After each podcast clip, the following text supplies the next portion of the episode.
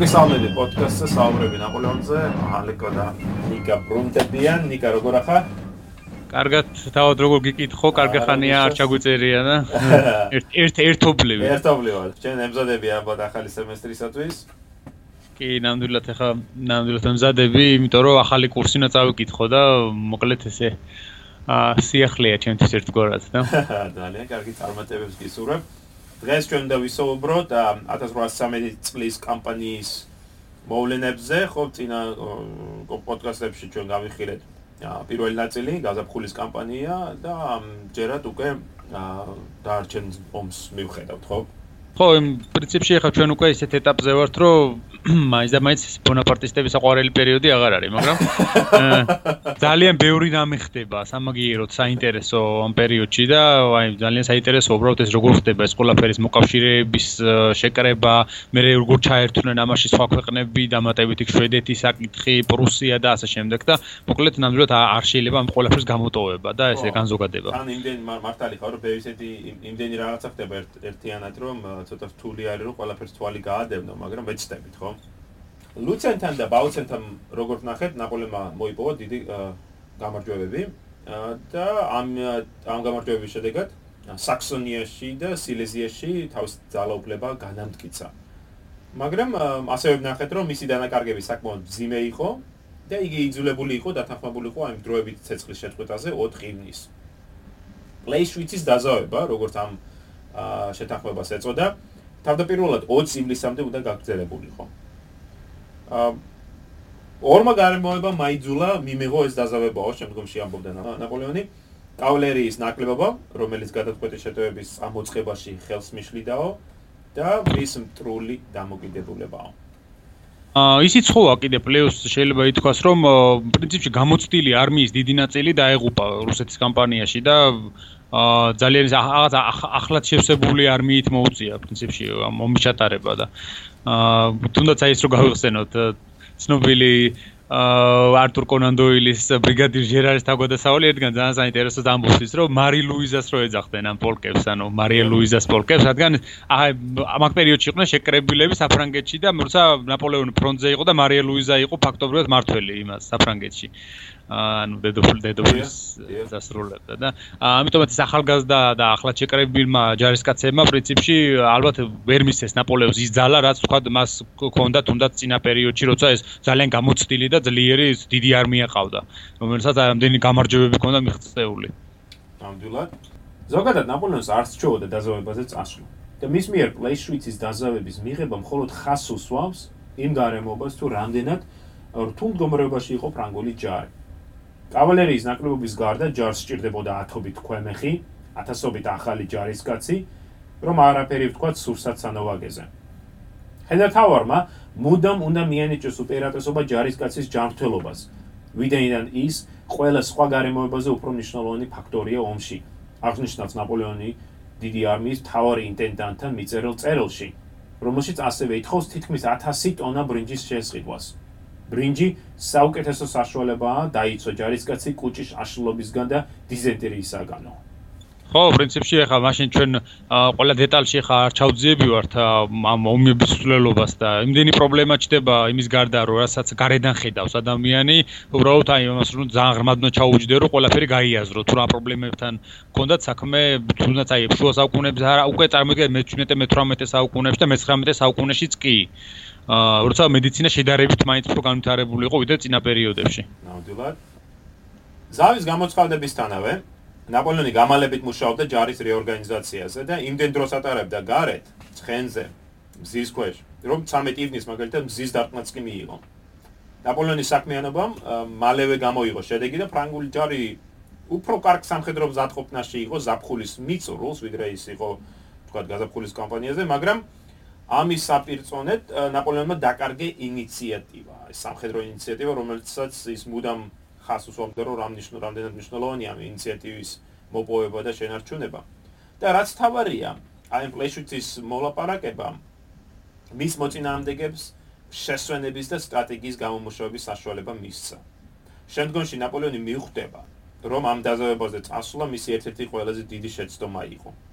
ის აღნიშნავს კიდევაც, რომ მოკავშირეებმა გამოიყენეს დაზავების პერიოდი, რათა გაემაგრებინათ თავისი სამხედრო ძალები, გაეძლიერებინათ თავდაცვითი პოზიციები ბრანდენბურგში და დასავლეთ პოლონეთში და რაც თავარია, აი სწორედ ამ პერიოდში მათ გამოიყენეს ეს მომენტი, რათა ჩამოიყალიბებინათ სრულფასოვანი კოალიცია, ხო? აი მაგალითად ბრიტ სწორედ ამ პერიოდში მოხდა ბრიტანეთის აქტიური ჩართვა ომში და რუსეთისათვის და პრუსიისათვის ძიძალი სუბსიდიების მიწოდება, რათა მათ ნაპოლეონის წინამდებ გაეგზელებინათ ომი. ჯარის რეორგანიზაციის გარდა ნაპოლეონის თავარ ამოცანას პლეჩვიცის დაზავების პერიოდში წარმოადგენდა ავსტრიის ნეიტრალიტეტის შენარჩუნება.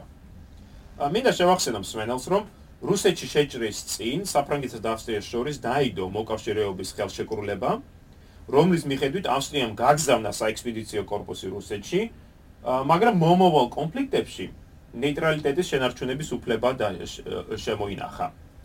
ასევე მინდა შევახსენო მსმენელს, რომ ნაპოლეონი დაქორწინებული იყო ავსტრიის იმპერატორის ქალიშვილზე, ხო? მარიელუზა ახსენე შენ. და ამიტომ ნაპოლეონი იმედოვნებდა, რომ თავის სიმამრი არ ეცდებოდა მის წინამდე კომში ჩართვას. მაგრამ ყველაფერი სწორედ საპირისპიროსაკენ მიანიშნებდა. დაზავების გამოცხადებიდან მცირე ხანში ავსტრიის საგარეო საქმეთა მინისტრმა კლემენს ვონ მეტერნიკმა ორივე მხარესთან გააბა მოლაპარაკებები. მან გაგზავნა სტადიონის თავადი მოკავშირეებთან, ხოლო ბუბნას თავადი ნაპოლეონთან, რათა აღმოსავლეთ და ცენტრალური ევროპის მომავალი ბედი გადაეწყვიტათ. ავსტრიის ძირითადი მოთხოვნა იყო შემდეგი: საფრანგეთის ჯარის გაყვანა გერმანიიდან, პოლონეთიდან და ადრიატიკის ზღვისპირეთიდან. ამ საკითხის განსახილველად მეტერნიკი სტავაზობდა ორივე მხარეს მონაწილეობა მიიღოთ საერთაშორისო კონფერენციაში რომლის ორგანიზებაც მეტერნიკის თქმით შესაძლებელი იყო ქალაქ პრაღაში. ნაპოლეონი ბუნებრივი აღშფოთებული იყო ავსტრიელთა მოთხოვნებით, ვინაიდან საუბარი იყო უბრძოლველად უზარმაზარი ტერიტორიის დათმობაზე, ხო? უკვე ჩამოვთვალი გერმანია, პოლონეთი, ადრიატიკის ზღვისპირეთი, ანუ აი ხო დღევანდელი ხორვატია, სლოვენია. უფრო მეტიც მოლაპარაკებისას ავსტრიელებმა ერთი-ორჯერ ისიც აღნიშნეს, რომ გერმანიის, პოლონეთის და ამ ადრიატიკის სპირეთის დათმობის შემდეგ განხილვის ცენტრში იქნებოდა საფრანგეთის პოზიციები ჰოლანდიაში, იტალიაში და ესპანეთში. ანუ ფაქტობრივად ავსტრია ცდილობდა დიპლომატიის გზით გაებათილებინა ნაპოლეონის მიერ ბრძოლით მოპოვებული იმპერია. ბუნებრივია ნაპოლეონი არ იყო მზად ასეთ ცელ დათმობებზე, მით უმეტეს რომ გაზაფხულის კამპანია სწორედ მისი გამარჯვებით დასრულდა, ხო? თუ შესაძლებელია, ვეცდები სექტემბრამდე გავჭიმო დრო და შემდეგ ძლიერი იერიში მივიტანო მტერზე. წერს ნაპოლეონი ერთ-ერთ წერილში. ამ ზაფხულში დაწერა ერთ-ერთ წერილში. მე მინდა ვიყო მზად ერთი მოსმით დავამარცხო პრუსია და რუსეთი, რომ ავსტრიამ დაინახოს თუ რის პირისპირ დარჩება იგი. გონს მოეგოს და ხელი აიღოს ამ ორპირა და სასაცილო პრეტენზიებზე. მაგრამ გულის სიღრმეში ნაპოლეონს ეთქობა შეპარვია ეჭვი. ხო. რაც უნებლიეთ გამოთქვა კიდეც თავის მდივანთან ბარონ პენთან საუბრისას. ციტატა თუ მოკავშირეები არაპირებენ კეთილსინდისიერად აწარმოონ მოლაპარაკებები ევროპაში მშვიდობის დასამყარებლად ეს დაზავება შეიძლება მომაკვდინებელი აღმოჩნდეს ჩვენთვისო ანუ იგრძნო თავი თავისივე ამ დაზავების შეცდომა რა. ფრანგი მარშლების ერთი ნაწილი მართლაც ურჩევდა ნაპოლეონს დახეულიყო თვით რაინის პირეთამდე, ანუ მიეტოვებინა პოლონეთი, გერმანია, ცენტრალური ევროპა, ასე ვთქვა, და დაბრუნებულიყო რაინის მდინარემდე. რათა გაეძლიერებინა თავის პოზიციები აქ მაგრამ ბუნებრივია სამხედრო და პოლიტიკური თვალსაზრისით ეს ძალიან დიდ სხვებს მოითხოვდა. რაინისაკენ კახება ხომ გულისხმობდა დინერებზე, ოდერზე, ვისტულაზე, ელბაზე ციხესიმაგრეებში განლაგებული ათობით ათასი ფრანგი ჯარისკაცის მიტოვებას რომ არაფერი ვთქვა დანიელ, პოლონელ, საქსონელ და სხვა გერმანელ მოკავშირეებზე რომელთა მიმართ ხო აი ზურგის შეკცევა ფაქტურად მათ მოწინააღმდეგისათვის მიგდებას გულისხმობდა. ღმერთო ჩემო, უპასუხა ნაპოლეონმა ერთ-ერთ ასეთ შემოთავაზებას, სად არის თქვენი საღი აზროვნება? 10 ბრძოლა რომ წავაგო ზედიზედ მაინც არ დავთანხმდები ასეთ სისულელის გაკეთებაზეო. როდესაც მართლება შეახსენეს ნაპოლეონს რომ ფრანგების საკომუნიკაციო ხაზები ასობით კილომეტრზე იყო გადაჭიმული და მოკავშირეებს შეეძლოთ მათი გაწყვეტა, ნაპოლეონმა უპასუხა: "კი, ეს მართლაც სერიოზული პრობლემაა. და ჩვენ არ უნდა დავაყენოთ ჩვენი საკომუნიკაციო ხაზები საფრთხის წინაშე. მე კარგად მესმის ეს. ეს არის ომის წარმოების უმარტივესი პრინციპი. მაგრამ როდესაც საქმე ეხება უმნიშვნელოვანეს პოლიტიკური საკითხების გადაწყვეტას, ჩვენ მზად უნდა ვიყოთ წავიდეთ რისკზე და არ უნდა შეგვეშინდეს სკვერპლი გავიყოთ. ომის ხელოვნება რომ წარმოადგენდეს რისკზე არ წასვლის ხელოვნებას, დიდებას ნებისმიერი უნიცოც წაეპოტინება. ჩვენ კი ახლა გვჭირდება სრული ტრიუმფიო. მოკავშირეებთან მოლაპარაკებისას პარალელურად ნაპოლეონი ომისათვის ემზადებოდა. მისი ჩანაფიქრი ქალაქი დრეზდენი უნდა გამხდარიყო ფრანგული ჯარის პლაცდარმი გერმანიაში. ერთ-ერთ წერილში, მაგალითად, უპროსორით საუბარში ბარონ ფენთან ნაპოლეონი აღნიშნავს დრეზდენი არის ის საყრდენი, საიდანაც მე მსურს შეტევითი მანევრების წარმოება, რათა მოწინააღმდეგის შეტევები მოვიგერიო. ბერლინიდან პრაღამდე მტერი ცდილობს განალაგოს თავისი ჯარი ვრცელ წრეზე, რომლის ცენტრს სწორედ მე ვიკავებ. კიდევ ერთი დიდი გამარჯობა და მოკავშირეები იძულებულები იქნებიან ზავი მოითხოვონ. მართალია, ნაპოლეონის გეგმაში ბევრი რამ ლოგიკურია. პოლიტიკურად და სამხედრო თვალსაზრისით ევროპაში სრულებით ახალი და განსხვავებული ვითარება შეიქმნა ამ დროისათვის. წინა კამპანიებში ნაპოლეონი მოკავშირეებს სალცალკე ამარცხებდა. სვენელს ალბათ ახსოვს მაგალითად, რომ 1805 წელს იყო მესამე კოალიცია, მაგრამ როგორც ნახეთ, ავსტრიელები ცალკე დამარცხდნენ ულმთან და შემდეგ რუსები, რომელთან თან ახდა დასუსტებული ავსტრიელები, ხო? შემდეგ რუსები უკვე დამარცხდნენ ავსტრიელებთან. 1806-7 წლებში მეოთხე კოალიცია შედგება რუსეთისაგან, პრუსიასგან, ბრიტანეთისგან, შვედეთისგან და ნეაპოლისგან, როგორც გვახსოვს. პრუსია ცალკე განადგურდა აბსოლუტურად. და ამამდვილად, ხო? მოკავშირე მოკავშირეები ცალ-ცალკე მოქმედებდნენ. რამაც საშუალება მისცა ნაპოლეონს და ცალ-ცალკე დაემარცხებინათ იგი, შენ უკვე აღნიშნე პრუსია? ო, პრინციპში გააღა, ორ კვირაში გააკრეს პრუსია მაშინ. ეს მოხდა ოქტომბერში, ხო? ო ნეაპოლის განადგურება მოხდა იმ ზაფხულს, ანუ პირველი პირველი იერიში ნეაპოლზე მიდანა ნაპოლეონმა, მერე პრუსიაზე და შემდეგ რუსეთზე, ხო? ფრიდლანდთან დამარცხების შემდეგ რუსეთი ოკეი, იძულებულია წავიდეს დაზავებაზე. იგივე ითქმის მეხუთე კოალიციის ომზე. მეხუთე კოალიციას ფორმალურად შეადგენდა ავსტრია, ბრიტანეთი, ესპანეთი, მაგრამ გაერთიანებულად არც ახლა მოქმედებდნენ ისე ინდონეზია მათი დამარცხება.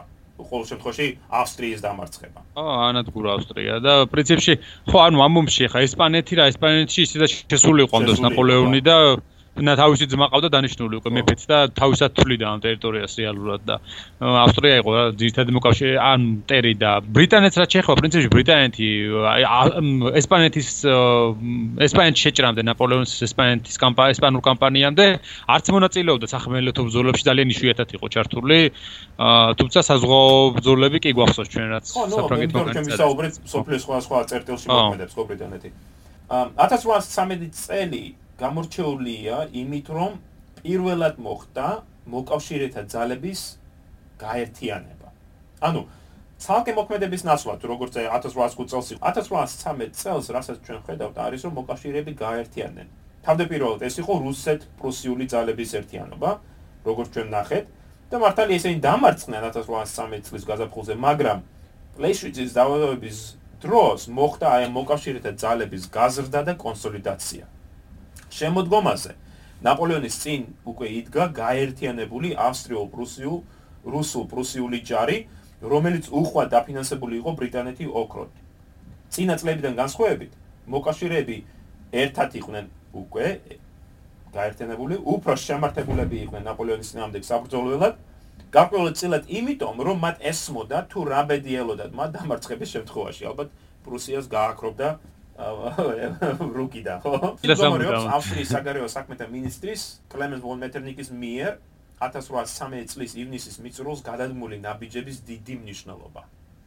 მეტერნიკი ორმაგ თამაშს თამაშობდა. ვინაიდან ის ცდილობდა ავსტრიისათვის მაქსიმალური სარგებელი მოიტანა როგორც ნაპოლეონთან, ასე მოკავშირეებთან მოლაპარაკების წარმოებით. როგორც შემდგომი მოვლენები ცხადყოფენ, მას ნამდვილად არ სურდა რუსეთის ან პრუსიის სრული გამარჯვება. ვიდაინიდან ამით ავსტრიას შეექმნებოდა პრობლემები. მეტერნიკის ძირითად მიზანს წარმოადგენდა ევროპაში ავსტრიის ძველი პოზიციების აღდგენა და მასთან ერთად ეგრეთ წოდებული ძალთა ბალანსის განახლება. რისთვის აუცილებელი იყო ნაპოლეონის ძალაუფლების აღკვეცა და საფრანგეთის ძველ საზღვრებში მოქცევა დასავლეთში, მაგრამ ამავე დროს რუსეთის შეკავება და პრუსიის დასუსტება აღმოსავლეთში. ბუნებრივია ეს მეტად რთული ამოცანა იყო, მაგრამ მეტერნიკი მზად იყო ეცადა. 1803 წლის 21 ივნისს ავსტრიის საგარეო საქმეთა მინისტრი დრეზდენში ჩავიდა ნაპოლეონთან შესახვედრად. მეტერნიკი და ნაპოლეონი შეხვდნენ ერთმანეთს მარკოლინის სასახლის ჩინურ დარბაზში, სადაც თითქმის თელი დღე, თითქმის 9 საათის განმავლობაში მარტო ჭოდნენ და დაბობდნენ. მართალია ორთავემ შემდგომში დატოვა ამ გრძელი შეხვედრის სამსახველი საბუთები, მაგრამ განსხვავებულ სურათს წარმოგვიდგენენ. მეტერნიკმა შემდგომში დაწერა მემუარები, რომლებშიც მოგვაწოდა ამ საუბრის ერთი ვერსია, რომელიც მე მგონი ყველაზე ესე გავრცელებული ვერსია არის და უმეტესწილად ციგნების სწორედ ამ ვერსიის მიხედვით არის დაწერილი, თუმცა პრობლემა იმაშია, რომ ამ მემუარებში აღწერილი რეალობა არ შეესაბამება მაგალითად თვით მეტერნიკის მიერ შეხვედრის შემდეგ, უშუალოდ შეხვედრის შემდეგ ავსტრიის იმპერატორთან გაგზავნილი მოხსენებას თან რომ არაფერი ვთქვა, თქვა ნაპოლეონის მიერ კოლენკურთან გაგზავნილ წერილებთან, ნაპოლეონის უახლოესი მრჩევლის მაღეს მიერ გაზიარებულ ინფორმაციასთან. ანუ რა შეხედავთ ისე რომ მემუარებს რო წელს მეტერნიკი უკვე ბევრ რამეს სulis, აზვიადებს, ამატებს ისეთ ისეთ რაღაცებს, ისეთ დეტალებს, რომელიც მის მიერ უშუალოდ დაწერილ აი მოხსენებაში, ხო, შეხვედრის შემდეგ არც არის. ბუნებრივია. თავის მემუარებში მეტერნიკი ცდილობს თავის სასარგებლოდ წარმოეჩინა ვითარება, რომელიც საკმაოდ რთული და ჩახლართული იყო. დილის 11 საათი იყო, როდესაც ნაპოლეონი და მეტერნიკი შეხვდნენ ერთმანეთს. ორთავე დარწმუნებული იყო თავის ძალებში. ორთავეს ჯეროდა, რომ ძალუძს და მოწინააღმდეგის манипулირება და თავის ჭკუაზე გადაყვანა. ნაპოლეონს უმცირეს სურდა ავსტრიის ნეიტრალიტეტის შენარჩუნება. უკეთეს შემთხვევაში ავსტრიასთან ძალების გაერთიანება ნაწინააღმდეგეთა წინააღმდეგ. ამის საპირისპიროდ მეტერნიკს სურდა ნაპოლეონთან შეთანხმების მოპოვება, რომელიც გერმანიის, ჰოლანდიის, იტალიის და ბეც გადაწყვეტდა. აი უკვე აქ, სწორედ ამ მომენტში იკვეთება ამ ორი პოლიტიკოსის აბსოლუტურად განსხვავებული დაწყებითი პოზიცია. ნაპოლეონს სურს თავის იმპერიის შენარჩუნება და ავსტრიის გამოყენება ამისათვის, ხოლო მეტერნიკს სურს ფრანგული იმპერიის დასუსტება და ავსტრიის განძლიერება. გარკვეულწილად პოზიციათა ასეთმა განსხვავებამ განაპირობა ამ შეხვედრის აი ეს მრავალსაათიანი ხანგრძლივობა და დაძაბულობა. ნაპოლეონმა აღიარა შემდგომში რომ ერთ მომენტში ისეთი გამწარებული ისე გამწარდა რომ ქუდი აიღო და იატაკზე დაახეთქა. მეტერნიკი თავის მემუარებში აცხადებს რომ ნაპოლეონმა 4 ჯერ გააკეთაო ესა. და იქვე აღნიშნავს რომ ნაპოლეონი ისეთი უწმაწურო სიტყვებით ილანძღებოდა რომ თვით ეშმაკსაც შეშურდებოდა. საბოლოოდ შეთანხმება ვერ შედგა. გარდა იმისა, რომ ნაპოლეონი დათანხმდა პრაღაში საერთაშორისო კონგრესის მოწვევაზე. მეტერნიკმა ძალიან მნიშვნელოვანი როლი ითამაშა მეექვსე კოალიციის ჩამოყალიბებაში. რაც მოუნდა, მარტო მარტო დიპლომატია არ არის აქ მნიშვნელოვანი. ასე მნიშვნელოვანი ის, რომ ავსტრიამ ნეიტრალიტეტის უკან ამოფარებულმა ავსტრიამ შეძლო ზაფხულში ძარების სრული მობილიზაცია, ისე რომ ივნისის მიწურულისათვის მას 200-ზე 1000-ზე მეტი ჯარისკაცი ყავდა უკვე მზად ბოჰემიაში. ამავე დროს დამატებით კიდევ ორი ჯარი ემზადებოდა საბრძოლველად დუნაისპირეთში. მოკავშირეები ასევე აგზელებდნენ დიპლომატიურ მოლაპარაკებებს. სწორედ აქ ივნის-ივლისში ჩვენ ხედავ ბრიტანეთს როგორც ამ კოალიციის დამფინანსებელს, ხო, კლავ. რუსეთში თავის ელჩთან მიწერილ წერილში ბრიტანეთის საგარეო მინისტრი კასლერი ეუნებოდა მას თუ რამდენად აუცილებელი იყო ბრიტანეთის ფულის ჩადება, ასე რომ ვთქვათ, ნაპოლეონის წინააღმდეგ ახალ ომში. რომ ძირითადი, ძირითადი მიზანი ბრიტანეთის არის საფრანგეთის ძალაუფლების ციტატა საფრანგეთის ძალაუფლების მაქსიმალური შესუსტება და გერმანიის დამოუკიდებლობის უზრუნველყოფა. ამ მიზნის მისაღწევად ლონდონი მზად იყო დიდძალი ფულის გადასახდელად. მართლაც ამ ივნის ივლისში მოკავშირეებს შორის და ბრიტანეთს შორის ძალიან დიდი მოლაპარაკება მიმდინარეობს თუ რამდენი ფული უნდა ჩაიდება მაგალითად რუსეთის იმპერატორი ალექსანდრე მოითხოვს 7 მილიონზე მეტ ფუნტს ხო გერმანკა სტერლინგს რათა დააფინანსონ რუსული ჯარი. მხოლოდ რუსული ჯარი, ანუ პრუსია ცალკე იქნებოდა. აა ბრიტანეთი უარს აცხადებს ამ ხელა დიდძალი ფულის გადახდაზე. მაგრამ საბოლოოდ დათანხმდა 4 მილიონ გირვანკა სტერლინგის გადახდაზე. ანუ ესეც უზარმაზარი ფული არ გონებია ამ ამ პერიოდში. მithumetes თუ გავითვალისწინებთ, რომ ეს თანხა იყო მხოლოდ რუსეთისათვის.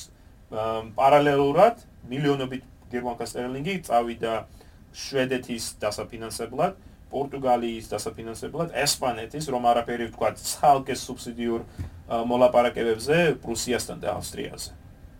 თლიანობაში, რომ შევხედოთ, ბრიტანეთმა, ბრიტანეთმა 1813 წლის აპრილში გადაწყვიტა ყველაზე დიდი სუბსიდიის გაღება ნაპოლეონის ძინავამდე ბრძოლის უზრუნველსაყოფად. გადამწყვეტი მომენტი დადგა და მიხვდნენ. ხო, მოკალე ამ მეუქსე კოალიციის ჩამოყალიბების პროცესში ერთ-ერთი ყველაზე მნიშვნელოვანი საფეხური არის, აი მომენტი არის 14-15 ივნისი, როდესაც მოკავშირეებმა ხელი მოაწირეს ეგრეთ წოდებული რაიშენბახის ხელშეკრულებებს. სწორედ ამ რაიშენბახის ხელშეკრულებებით ბრიტანეთმა აიღო ვალდებულება მილიონობით გერმანკ სტერლინგ გადაუხადეს რუსეთს, პრუსიას რათა მათ განაგრძონ ბრძოლა ნაპოლეონის წინააღმდეგ და ამავე დროს იმავე ხელშეკრულებებით ბრიტანეთის თავაზობს დიდძალ სუბსიდიას რათა ავსტრია ჩაერთოს ომში. მაგრამ აი ამ რუსეთთან მოლაპარაკებების დროს გამოიკვეთა ავსტრიასა და რუსეთის ინტერესების აბსოლუტურად განსხვავებული პოზიცია. ერთის ხრივ ხო ავსტრია სურდა დაკარგული ტერიტორიების დაბრუნება, ეს გულიგულისმება ადრიატიკის პირეთში, იტალიაში, გერმანიაში, მაგრამ მეტნიკი საკმაოდ შეწმუნებული იყო აი ამ რუსეთის ამბიციებით აღმოსავლეთ ევროპაში და სწორედ მას სურდა რუსეთის შეკავება. ორმაგი მიზანის მიღწევა სტილობს საფრანგეთი შეჩერება დასავლეთში და რუსეთის აღმოსავლეთში. პრაღაში ორგანიზებული კონფერენცია გაიხსნა 12 ივლისს და გაგრძელდა 10 აგვისტომდე. და სწორედ აი ამ კონგრესის გამოლობაში ნაპოლეონს მიაწოდეს, ხო, ასე ვთქვათ, მოკავშირეებმა თავისი მოთხოვნების სია.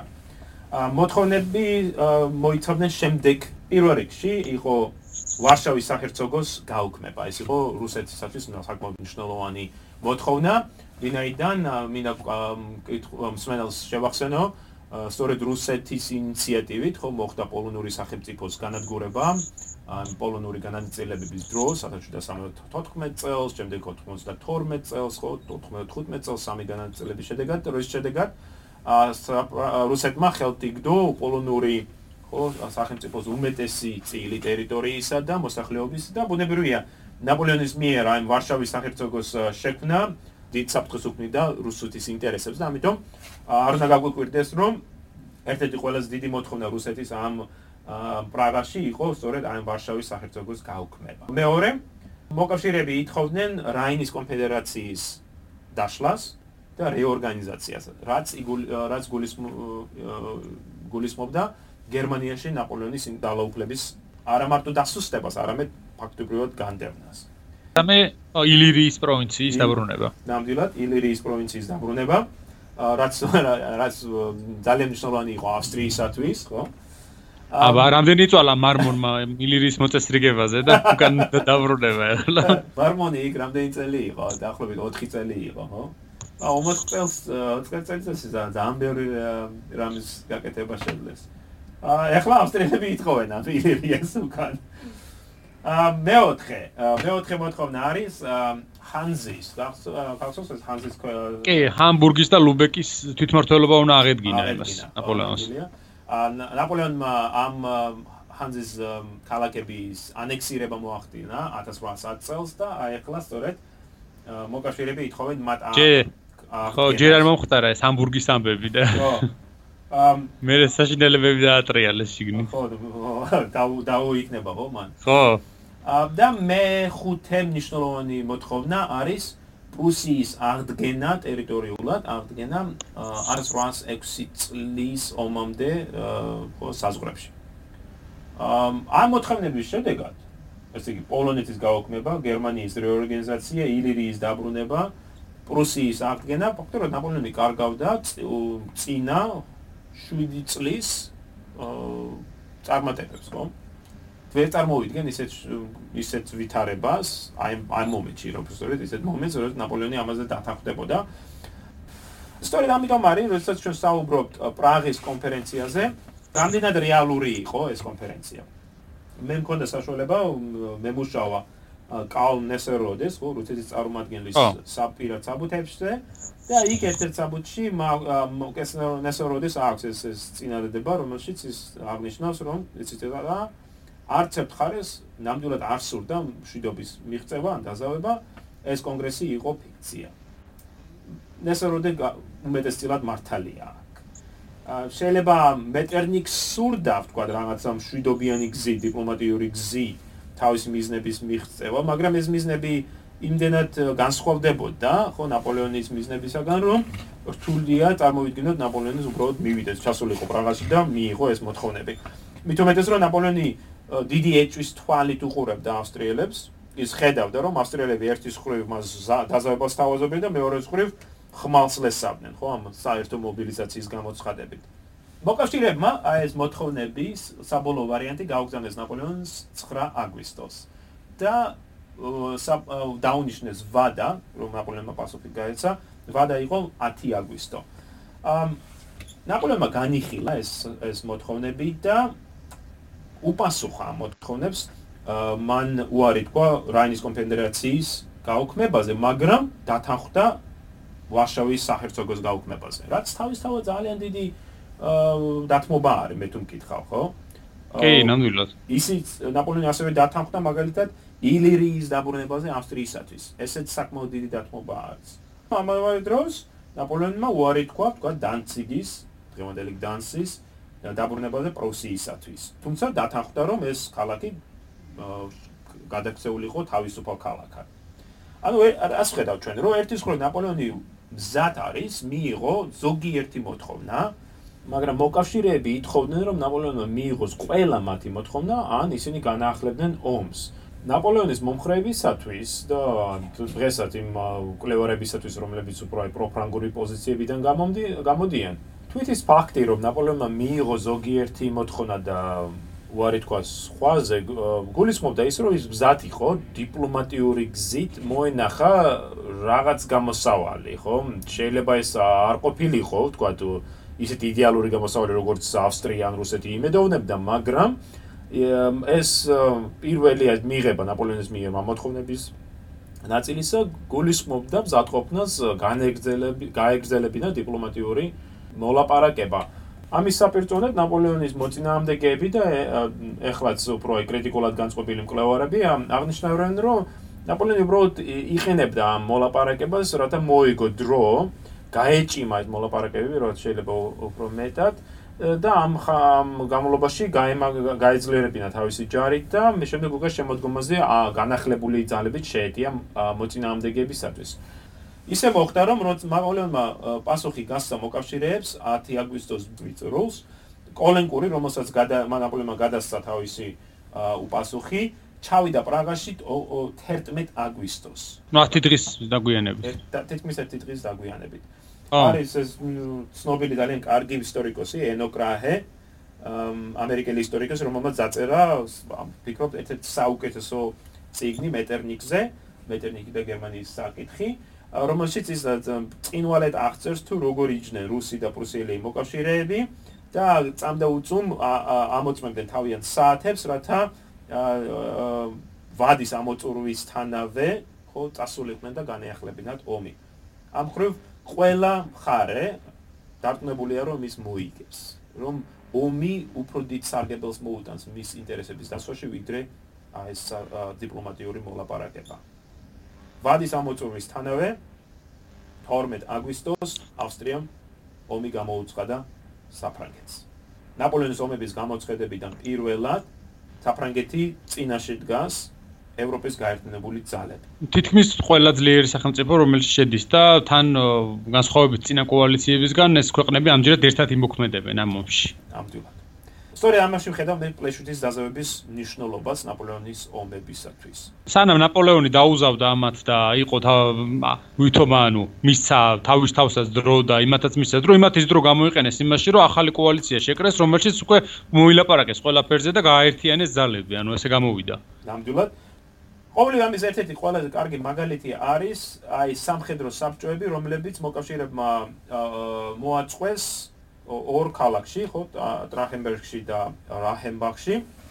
და აი ამ სამხედრო საბჭოებზე მათ შეიმუშავეს გეგმა, სტრატეგია ნაპოლეონის წინამდებ ომის საწარმოებო, რომელსაც დღეს ჩვენ უწოდებთ ტრახენბერგის გეგმა. ეს ტრახენბერგის გეგმა მიზნად ისახავდა აი ნაპოლეონის სამხედრო გენიის გაბათილებას. წინა წლებში ჩვენ როგორც ნახეთ, როდესაც მოკავშირეები უშუალოდ ნაპოლეონს ებრძოდნენ, ისე მასწრებოდნენ. ავსტერლიცი, იენა, ფრიდლანდი, ლუცენი, ბაუცენი, თვით რუსეთის კამპანიის დროსაც ნაპოლეონმა ხო ბრძოლის ველზე კი მოიპოვა გამარჯობა, თუმცა ომი წააგო, ხო, მაგრამ მაინც ბრძოლის ველზე ნაპოლეონი საკმაოდ ძლიერია. ტრახენბერგი გეგმა სწორედ ცდილობს აი ამ ნაპოლეონის ამ იმპერატორების გაქართლებას. და ის ცდილობს შემდეგი გზით. ამ გეგმის მიხედვით მოკავშირეები შეთანხმდნენ რომ იმ შემთხვევაში თუ ისინი უშუალოდ დაუპირისპირებოდნენ ნაპოლეონს, ისინი თავს არიდებდნენ ბრძოლას. ბრძოლის ნაცვლად ისინი უკან დაიხებდნენ და თავს არიდებდნენ ნაპოლეონთან დაპირისპირებას. სამაგეროდ შეუტევდნენ მარშლებს. ხო. ანუ ის მათ იცოდნენ რომ ნაპოლეონის ხო ბრძო ომის დროს იძულებული იქნებოდა კონკრეტული მიზნების მისაღწევად ცალკეული корпуსების გაეგზავნა. თქვათ ბერლინის დასაკავებლად რაც თავისთავად ძალიან სამხედრო და პოლიტიკურ ხო ცდილობას წარმოადგენდა. აი თუ გააგზავნიდა ვინმეს ბერლინის დასაკავებლად მოკავშირეები სწორედ ასხმებოდნენ მას თავს და გაანადგურებდნენ. ან თუ დატოვებდა რომელიმე корпуს რომელ ქალაქში თქვა დრეზდენში ისინი ეცდებოდნენ მათ მის განადგურებას. მაგრამ თუ ნაპოლეონი მოასწრებდა მისვლას, მოკავშირეები უკან დაიხებდნენ. ამ ამ გეგმის ავტორობას იჩემებდა როგორც ბერნადოტი, რომელიც საკმაოდ კარგად ერკვეოდა ხო ნაპოლეონის. ო, მისი მისი მარშალი იყო ბოლო-ბოლო. ისევე იჩემებდა ავსტრიელი გენერალი რადეცკი, რომელმაც ფიქრობ მართლა დიდი როლი ითამაშა ამ ამ გეგმის შემუშავებაში. ამ მეორე მნიშვნელოვანი მომენტი აი ამ სამხედრო საბჭოების ტრახენბერგში და რახენბახში იყო ის, რომ მოკავშირეები შეთანხმდნენ გამოიყვანათ 5000-იანი ჯარი, უბრალოდ 4 ჯარი. პირველი იქნებოდა ბოჰემიის არმია, რომელშიც იქნებოდა დაახლოებით 220000 ადამიანი, კაცი. ანუ თავარი არმია ეს იყო. თავარი დამყმელი ძალა. მას სათავე შეედგა ავსტრიელი შვარცენბერგი. შვარცენბერგი ნამდვილად. მეორე იყო ჩრდილოეთ გერმანიის არმია, დაახლოებით 140000. მას სათავე შეედგა შვედეთის კრაუნპრინცი კარლ იოჰანი ან იგივე ბერნადოტი. ბერნადოტი. და მესამე არმია იყო ეგრეთ წოდებული სილეზიის არმია. რომელსაც დაახლოებით 100000 კაცი ყავდა. და იყო ბლიუხერი მე ბლიუხერი და მეოთხე არმია, თუმცა ის უფრო სარეზერვო არმიას უწოდებდნენ მას. მის მას ევალებოდა რეზერვების მომზადება და შემდეგ მიწოდება ამ სამი არმიისათვის. ის იყო უკან და მას სათავეში ჩაუდგა გენერალი ბენინგსენი. მაგრამ ამ ძირითად საბრძოლო ძალას, ბოჰემიის არმიას, ჩრდილოეთ გერმანიის არმიას და სილეზიის არმიას სათავეში ედგნენ, როგორც ხედავთ, ავსტრიელი, პრუსიელი და შვედი ხედავთავრობა. თუმცა ისიც უნდა ვთქვა, რომ თვითონ შვარცენბერგი იყო მაინც ამ სამი არმიის თავარი მეტაური. მეტაური, თუმცა მისი ძალაუფლება არის შეკვეცილი იმ გარემოებით, რომ რუსეთის იმპერატორი და პრუსიის მეფე თანახლავს მას. ხო. და ამ ხრივ მის გადაწყვეტილებები, ხო, ეკვებდებარება ამ იმპერატორის და მეფის დამტკიცებას. სწორედ ამის გამო ჩვენ ნახავთ მექნება მათ არაერთი პრობლემა შემდგომში. ომი განახდა აგვისტოში და მის განხილვას ალბათ უკვე შემდეგ პოდკასტში. შემდგომ პოდკასტში უკვე ვცლად შევეხებით, თუმცა ძალიან ბევრი საინტერესო საკითხი დარჩა იქ, თუნდაც ერთ ძალიან რამდენიმე ანუ რამდენიმე ათეული პოდკასტის წინ ნახსენებ პიროვნებასაც დავაბრუნებთ ჩვენ ახლა დროებით და საინტერესო ამბები გველის მოკლედ. ჩვენ